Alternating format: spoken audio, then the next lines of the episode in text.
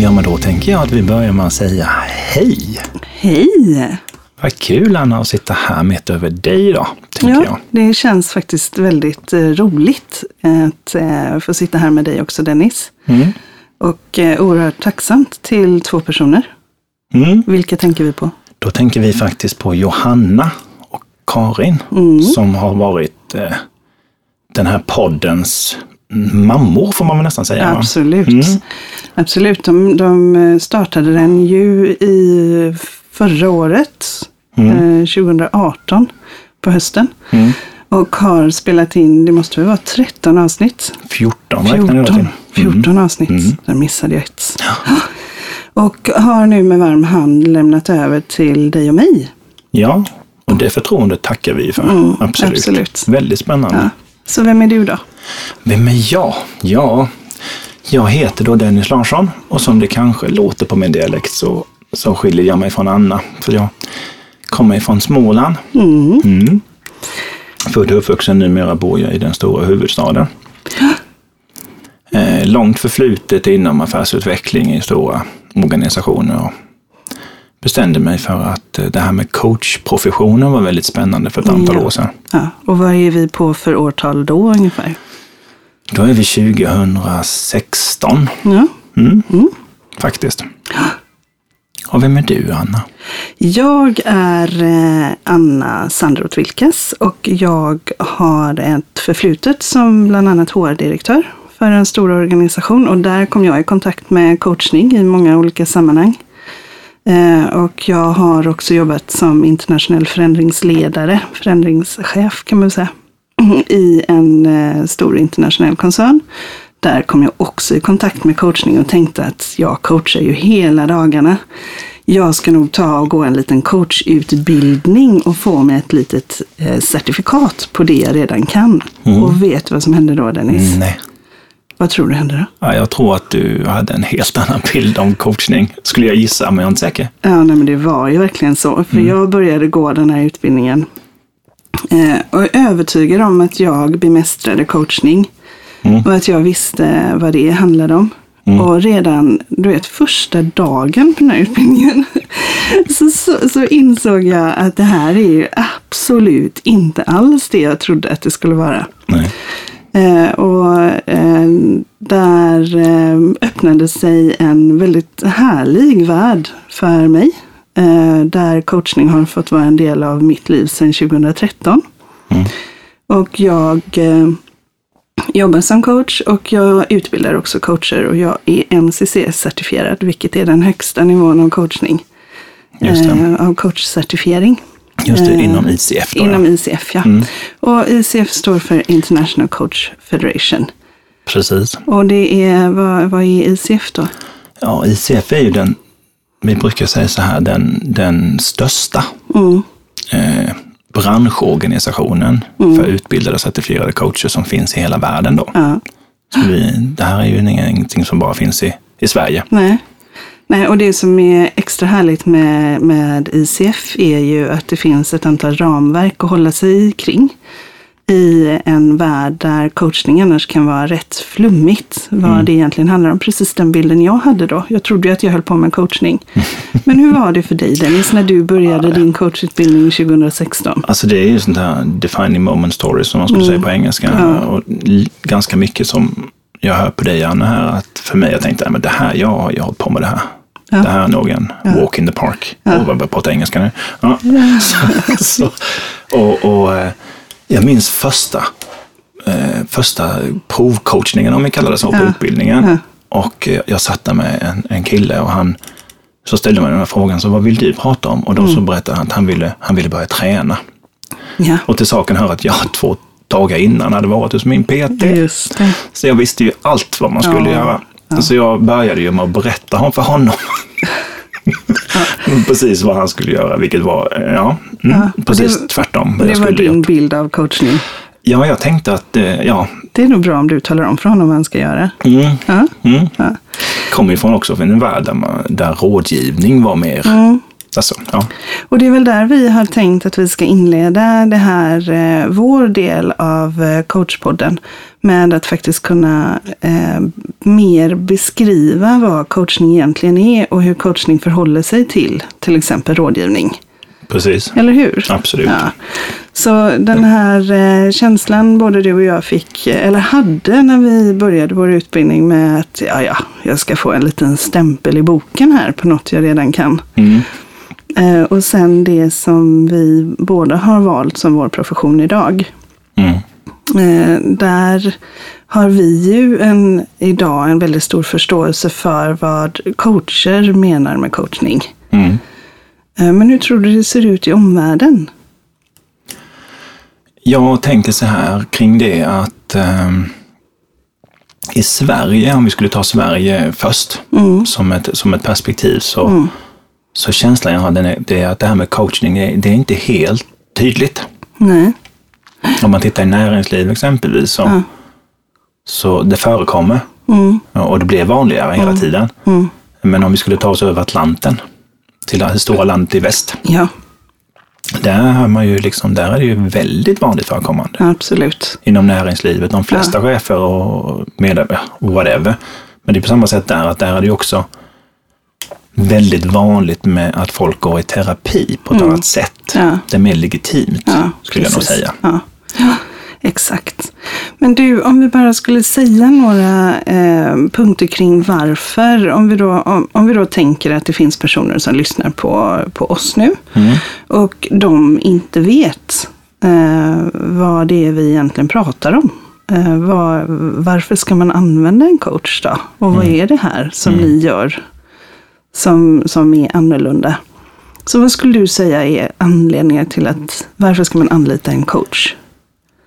Ja, alltså tittar man på ett hållbarhetsperspektiv. Jag vill ta ett hållbarhetsperspektiv för att göra hållbara förändringar. Och eh, vi som människor har väl mer eller mindre eh, olika delar i livet som vi kanske inte är helt nöjda med eller bekymmer som vi står inför, utmaningar. Det kan vara privat, det kan vara yrkesmässigt och så vidare. Och med hjälp av en coach, i, i mitt fall, så, så önskar jag ju att jag hade haft tillgång till en coach eh, när jag höll på med mina stora projekt i världen för 10-15 år sedan. Ja. Det var att någon kom in och ställde de där frågorna som fick mig att hitta svaren. Okej, så Så skit- att få dig att hitta svaren. Mm. Istället för någon som kom och sa till mig, gör si, gör så. Tillbaks till det här med att vara rådgivare eller vara coach, som är egentligen två motpoler där, säger jag. Så vad händer i en människa som får hjälp att hitta svaren inom sig själv då? Ja, och då är jag tillbaka till det här vad jag kallar lite hållbarhet i, i resultaten. Ja. Alltså när, när vi kommer från oss själva, när vi hittar svaren i oss själva, då har vi ju också hittat motivationsfaktorer och annat. Som kommer från den inre miljön. För vi sitter ju, ja, ännu så länge så har jag inte coachat någon människa som inte har hittat de egna svaren. Nej, Och det är fantastiskt. Precis. Så, så det här att eh, ha svar som kommer från den egna inre drivkraften och att vara mer hållbar är saker som du ser som anledning att anlita en coach. Ja, faktiskt. Ehm, Väldigt mycket. Vad, vad tänker du? Nej, jag tänker eh, mycket, jag är ju också hjärnfrik, det är ju faktiskt du med. Upptagna av hur hjärnan fungerar. Eh, och väldigt eh, mycket av vårt fokus går till att identifiera problem, hot och hinder. Så egentligen varje dag, varje sekund har vi fem gånger mer fokus på det som vi inte vill ska hända. Och det som vi eh, blir, är oroliga för. Och i en värld där det finns väldigt mycket ängslan och oro så blir det lätt att fastna där i sina tankar. Och att man egentligen glömmer bort att se de tankar och insikter man har som, som egentligen leder till möjligheter. Mm. Så av den anledningen eh, och av den anledningen att 90 procent av de tankarna som vi tänker idag tänkte vi igår. Mm. Så finns det ju en otrolig potential. Om du tänker att du egentligen bara lägger märke till det som inte fungerar i din egen värld. Och att du har samma lösningar på de problemen varje dag. Mm. Eh, det vill säga, du har inga lösningar. Utan du kommer inte vidare. Nej.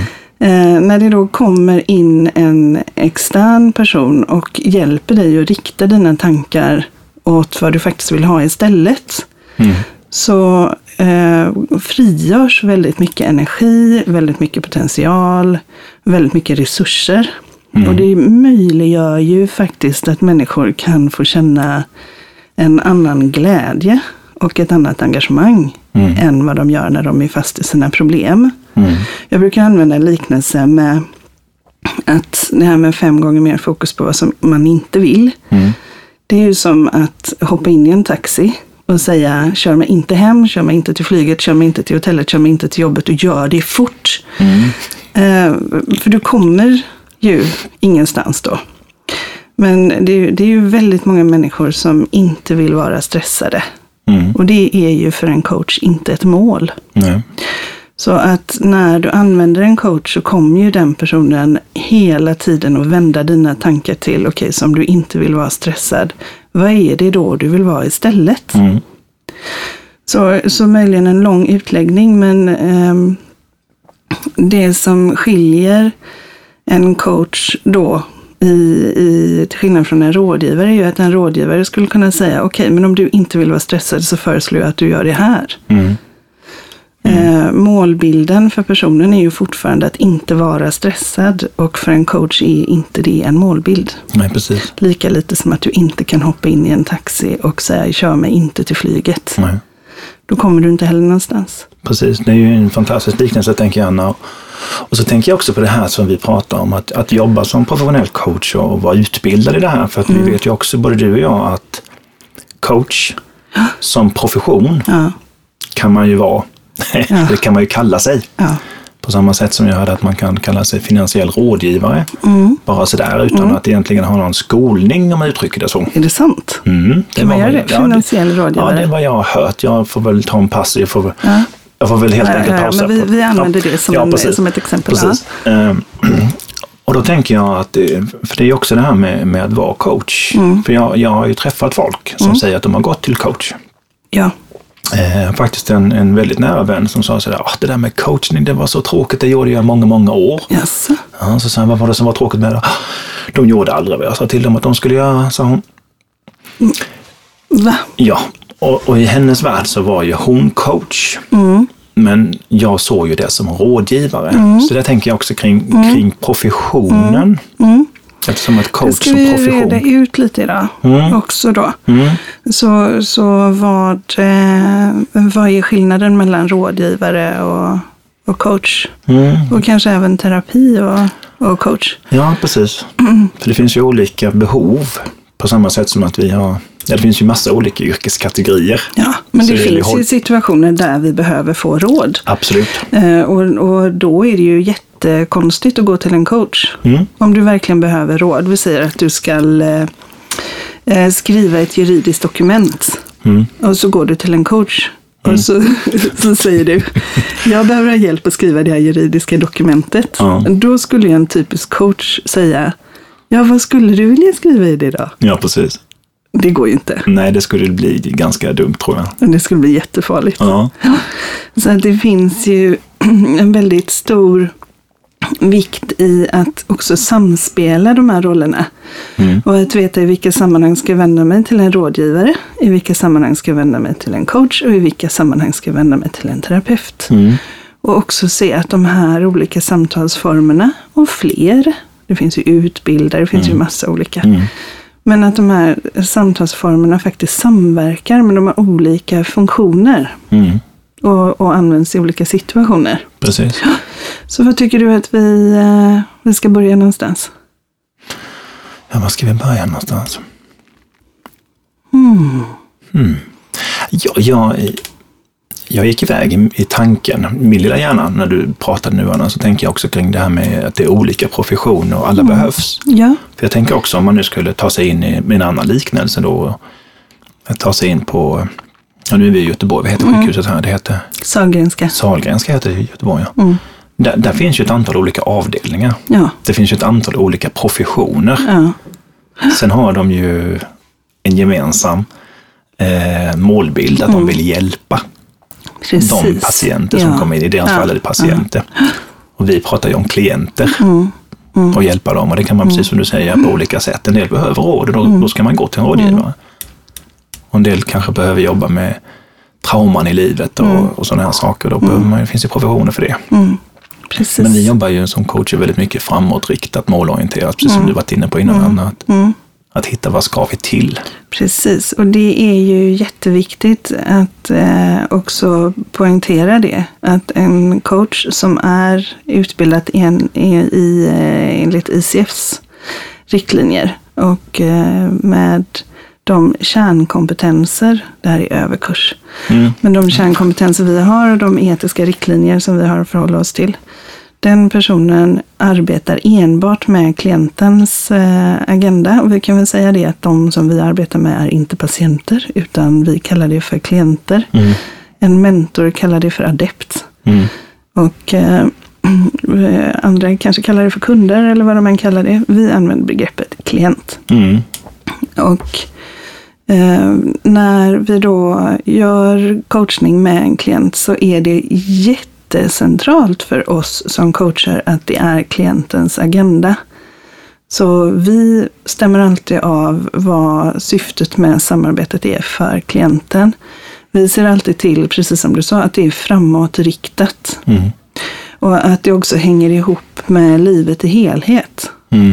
Eh, där, där vi har en övertygelse att man inte är olika personer.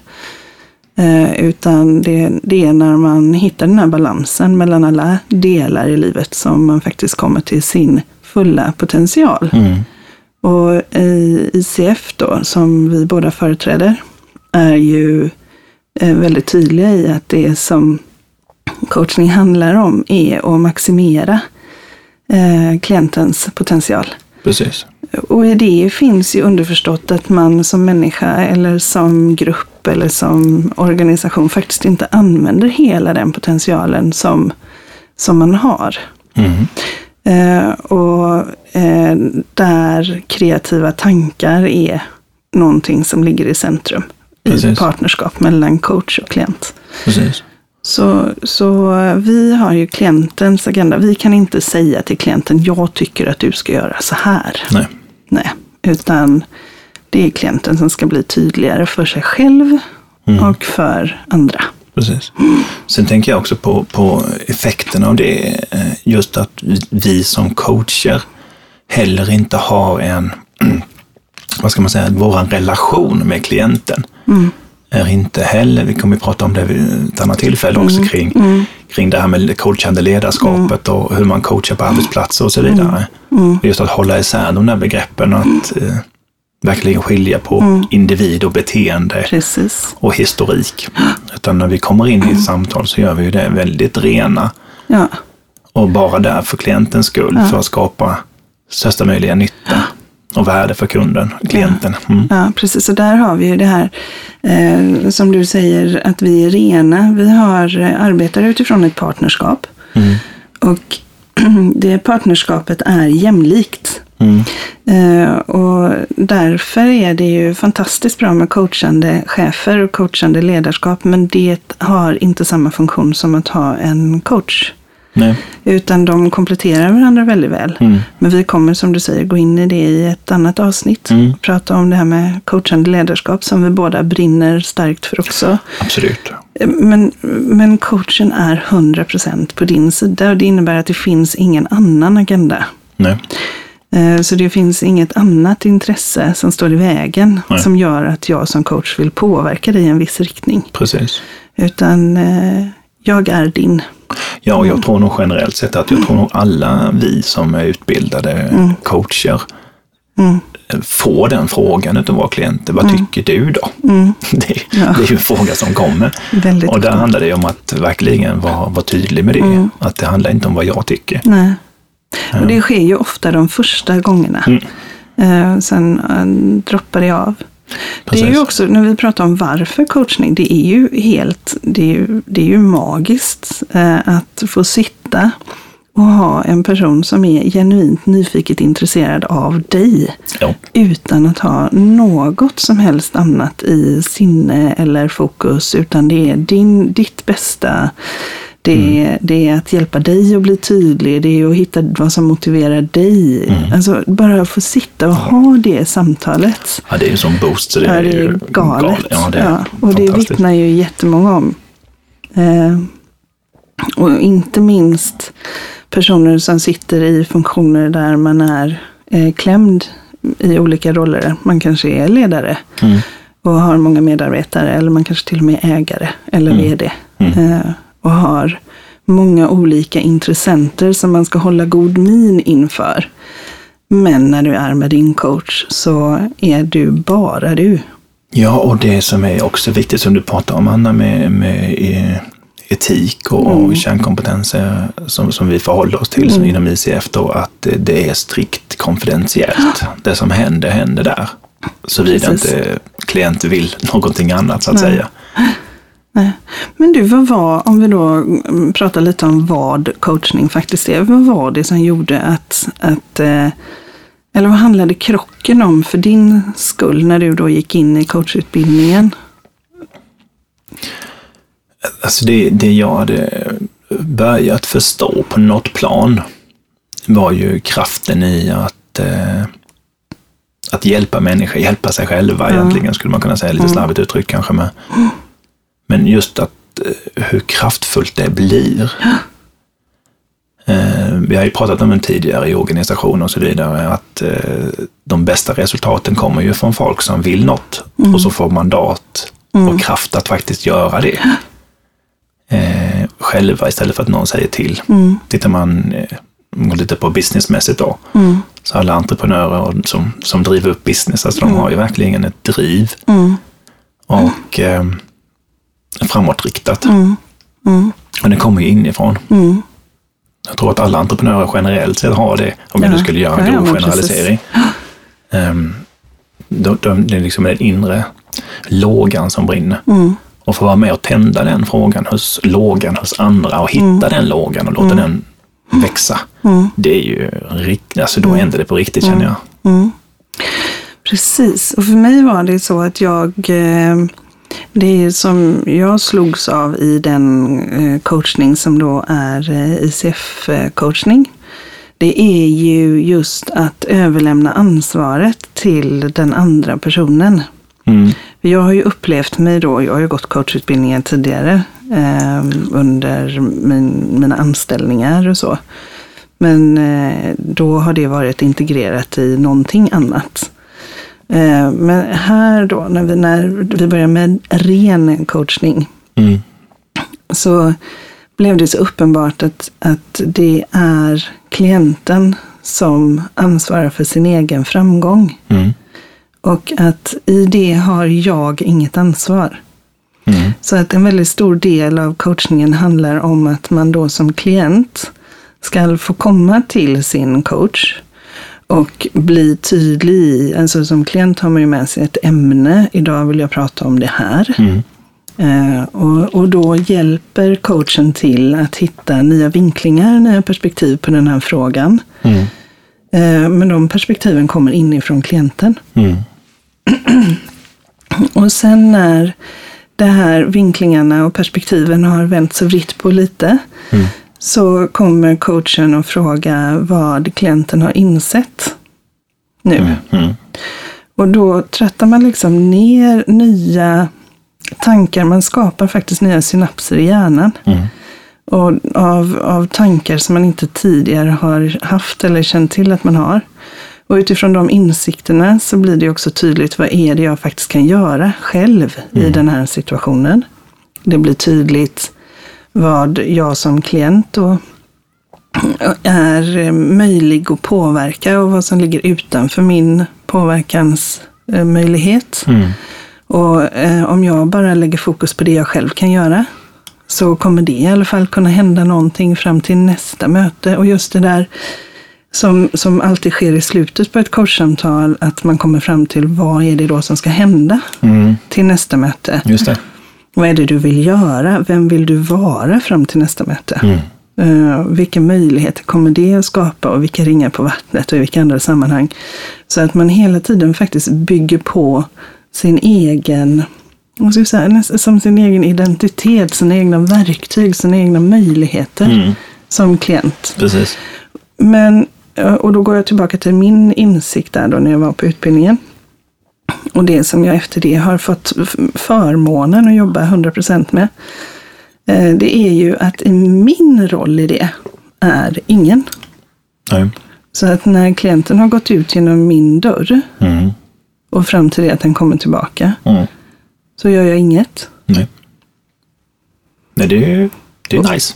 Ja, men, men för mig var det alldeles nytt. Jag, jag, jag har tagit på mig jättemycket ansvar i väldigt många situationer i saker som ligger helt utanför min ram. Absolut. Men, och, och då blir det ju inte möjligt heller för klienten att växa på det sättet som man kan göra när man fullt ut ansvarar för sin egen utveckling. Mm.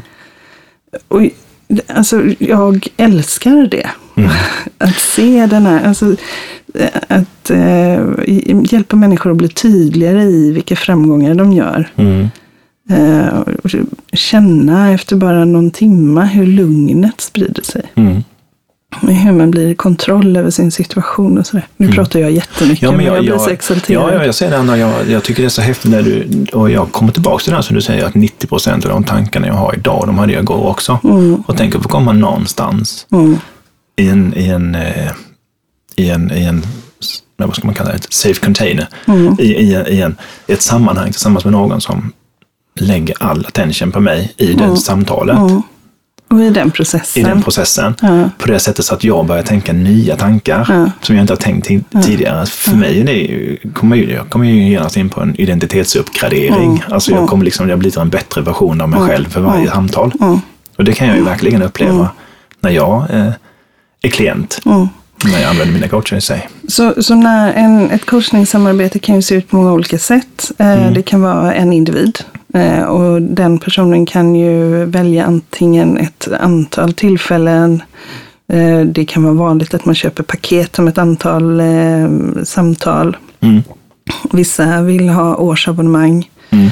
Eh, Det här är ju olika lösningar. Det finns väldigt många olika lösningar. Och jag är säker på att vi kommer se ännu fler lösningar framöver Absolut. på hur man lägger upp det. Men den individuella processen är hela tiden eh, grundad i att man ska nå klientens övergripande mål med coachningen. Precis.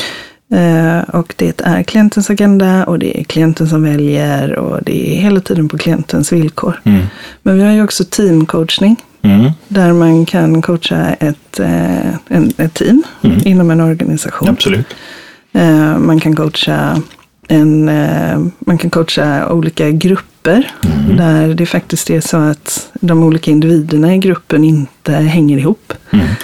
Utan Precis. man, skulle, man kan coacha personer Mm. eh, gemensamt fast individuellt. Precis. Det blir lite hokus pokus på det nu va? Men Ja, det, ja, det blir det kanske om man inte har tränat på det, på sig, men varit med om det. Men det, det handlar ju, och det, det jag hör du säger där, det är ju att eh, oavsett om vi är en grupp med människor så är det ändå ett gäng individer. I ett team består ju av individer. Och vi har ju olika drivkrafter, vi har ju olika saker vi går igång på som människor. Och det är ju det som är så häftigt när man kan jobba i team, tänker jag, för då är det ju att skapa laget. Så vi har ju sagt att vi ska lite definiera vad skillnaden är mellan coachning och terapi. Mm. Vad tänker du om det? Alltså jag tänker att eh, båda har ett eh, väldigt stort berättigande, vill jag säga först och främst. Jag har själv gått i terapi och eh, jag har haft och har klienter som kombinerar en, en terapeut med, med ett coachprogram. Då. Eh, för vi har olika agender. Och eh, en av mina coacher sa väldigt tidigt, eh, min första faktiskt, när jag kom i kontakt med detta, hon sa så här att om du har ett trauma exempelvis, du har varit med om något, det kan vara en förlust, det kan vara någonting som är jobbigt i livet, så eh, hon heter också Anna faktiskt, fast det var inte du. Hon sa så här, det är viktigt att sörja färdigt, sa hon. Och det, den, den etsade fast sig hos mig. Och nu säger jag inte att terapi är sorg i sig, men, men det är ändå att du, du hanterar någonting med de teknikerna som behövs för att hantera det som behövs just där och då. Ja. Och, och terapi handlar ju egentligen om att att det finns eh, någonting. Jag brukar tänka på det som en, en knut. Mm. Så att det finns en knut någonstans som har funnits eh, sedan ett tag och som ofta kommer tillbaka. Mm. Eh, och, och när du är coach så ska du inte hantera den knuten. Om den är historisk, om den påverkar, om det finns mycket sorg i den. Eh, och därför är det så att för oss coacher är det viktigt att kunna ha kontakter med terapeuter som vi kan hänvisa våra klienter till. Absolut. Så det är vår uppgift Mm. att, att lämna över klienter med en, en knut eller en Mm. Precis. sorg. Det är väl den enda gången vi går in som rådgivare, skulle man väl kunna säga i den Ja. bemärkelsen. Ja. Att vi råder klienten att faktiskt ta kontakt med någon. Men Om det visar precis, sig. och, och vi har ju egentligen också samma funktion då när det gäller, eh, om vi säger att det är en eh, en företagare som, låt säga att det är två personer som äger ett företag ihop Mm. och som har kommit till oss för att de har så dåligt med tid. Mm. Och man då eh, coachar dem Mm. och eh, märker att det handlar egentligen inte om att de har dåligt med tid. Utan det handlar snarare om att de inte är överens om vart de är på väg. Så vad de vill med sitt företag. Det här händer ju hur ofta som helst. Japp. Eh, så man har helt enkelt olika bild och man har inte varit medveten om att man har olika bild om vart man är på väg. När man trodde man var överens. Man trodde man var överens. Konsekvensen av att man inser då, eller att man tror att man har varit överens, är att man lägger väldigt mycket tid på att övertala den andra om vad som egentligen är rätt. Just det. Därför har man brist med tid. Mm. När då vi som coacher, eh, när det kommer fram att vi har, eh, att det är detta det rör, Mm. så kan vi som coacher ju också hänvisa vidare till att man pratar med en jurist kring att skriva ett ägardirektiv eller att man tar fram något, alltså att man jobbar mer med vart är vi på väg. Mm. Om man då inte vill göra det inom ramen för coachningen, vilket är fullt möjligt. Mm. Men, men vi kan ju också, om vi tar den här, den här situationen, så skulle ju de här två ägarna av en verksamhet kunna ha gått till en rådgivare för att få råd om hur de ska få mer tid. Mm. Eh, och när vi nu har kommit fram till att det faktiskt rör sig om någonting annat och det finns inte en samstämmighet kring målbild, så förstår vi också att de hade faktiskt lösat bort de pengarna kring eh, rådgivning, hur de ska ha time management eller någonting annat. Precis. Så det finns en väldigt fin, ehm, ett väldigt vackert skulle jag säga samspel om man interagerar mellan coachning, rådgivning och terapi. eh, Som skapar oerhört stora möjligheter för individer och organisationer och par. Och, Ja, absolut. Och det är precis som du säger, vi, vi är ju alla olika, olika professioner. Det är ju tack och lov att det är så. ja, Tänk om alla hade varit likadana och jobbat med samma sak. Det hade Ja, inte blivit så mycket dynamik då. Precis, att eh, för, för oss är det ju viktigt det här att hålla oss inom, inom det vi gör och lämna över. Ja, och jag är tillbaka till den här som du, som du är inne på också, Anna, i, eh, i samtalet, i, i en coachsession. Mm. Att, att ställa de där frågorna, för jag tror det var Einstein som yppade något på något tillfälle. Du kan inte lösa ett problem genom att tänka likadant som du tänkte när du skapade problemet. Nej, Det är så klokt. Ja, Ja. han sa mycket klokt den här gubben. Och, och det är ju ganska mycket där som jag kan se också essensen i, i, eh, i det coachande samtalet. Att, att verkligen hitta den där tanken, den där insikten som... Och han, vet han sa en annan sak också. Mm, han sa han du har inte förstått någonting, du har inte förstått en sak fullt ut förrän du kan förklara det enkelt. Precis. Och det tycker jag också hänger ihop med coachning. Mm. Man kommer in och så har man ett problem och så är det så svårt och man kan inte riktigt eh, greppa det. Och så jobbar man med coachning och så ser man att det var inte så himla komplicerat egentligen. Nej, Och jag har lösningarna helt inom räckhåll. precis. Eh, och jag vet att jag kan börja göra någonting annorlunda redan nu när jag går ut genom dörren. Absolut. Och det kommer jag göra. Precis, en, en av mina coacher, amerikaner, han säger så här, a problem well defined is half the solution. Och Det ligger väldigt mycket i det. Ja. Att bara bli tydlig med vad är det egentligen skon klämmer någonstans. Eh, och du, om vi tittar på det här med, med vad som skulle kunna vara anledning att an, använda coachning. Mm. Eh, så visar ju eh, fakta idag, eller forskning, Mm. att eh, i genomsnitt får man ju säga då, Mm. eh, är det 14 procent av svenskarna som känner engagemang i sitt arbete. Mm. Eh, och eh, det är också 76 procent av svenskarna som när de går till jobbet hellre hade gått någon annanstans. Mm. Om vi då tänker att Vi har fem gånger mer fokus på det som inte fungerar än det som fungerar. Mm. Och vi tänker att 90 procent av de tankar, det vill säga lösningar, Mm. som jag tänkte igår, tänkte jag idag. Mm.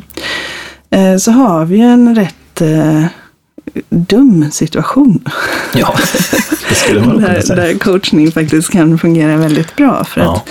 att, att ett sätt att känna ökat engagemang är ju att kunna känna att det finns möjligheter i min tillvaro. Mm. Eh, Och, och ett sätt att känna att det är möjligheter i min tillvaro är ju att se att det finns möjligheter att lösa. Och att Precis. komma vidare Mm. och att få nya insikter. Ja, att jag syns i det och att jag får ta platsen i det. Att jag får hitta mina svar och mina lösningar för att bli engagerad. Tillbaka till det här med engagemanget. Ja. Så jag skulle säga att om vi leker med tanken att Mm. 14 procent av medarbetarna är engagerade och så tänker vi att vi ökar det till Mm. Vi kan väl göra en, en medioker ökning så vi ökar det till 30 procent. Mm. Och så tänker vi att då det, det är 30 procent av medarbetarna som känner sig engagerade när de går till arbetet och då förhoppningsvis fler som vill vara där de är när de jobbar. Just det. Och så tänker vi bara kring vad, vilka effekter det hade haft på barnen. Mm. Mm. Så om mina föräldrar går till jobbet och är engagerade och kommer hem och har varit engagerade och ville vara på jobbet. Precis. Och berätta om det på middags, vid middagsbordet. Mm. Och vilken inställning det hade gett mig som barn då Mm. till eh, att faktiskt ha ett arbete. Just det.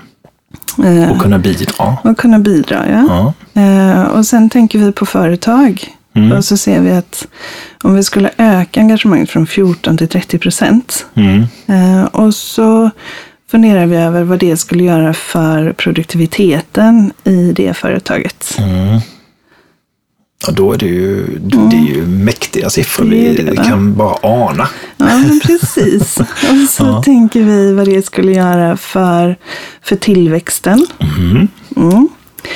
Mm. Och så funderar vi över vilken effekt det skulle få på samhället i stort. Mm. Precis. Och så säger vi att vi tar 50 procent istället. Shit, nu, nu blir det jobbigt.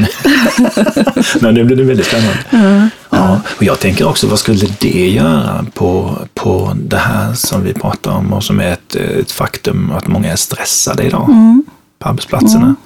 Och är man stressad för att man är engagerad eller är det, vad är det? Alltså, jag, jag, jag har inget svar på den. Ja, men om du tänker på det där med fem gånger mer fokus på det som inte fungerar. Mm.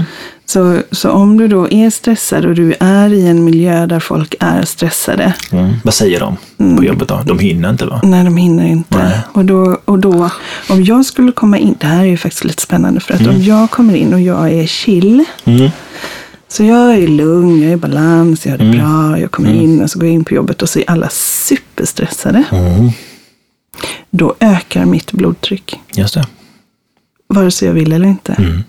Och jag kommer också bli stressad. Yes. Eh, och, och det här med att också titta på vad är en bra företagskultur? Mm.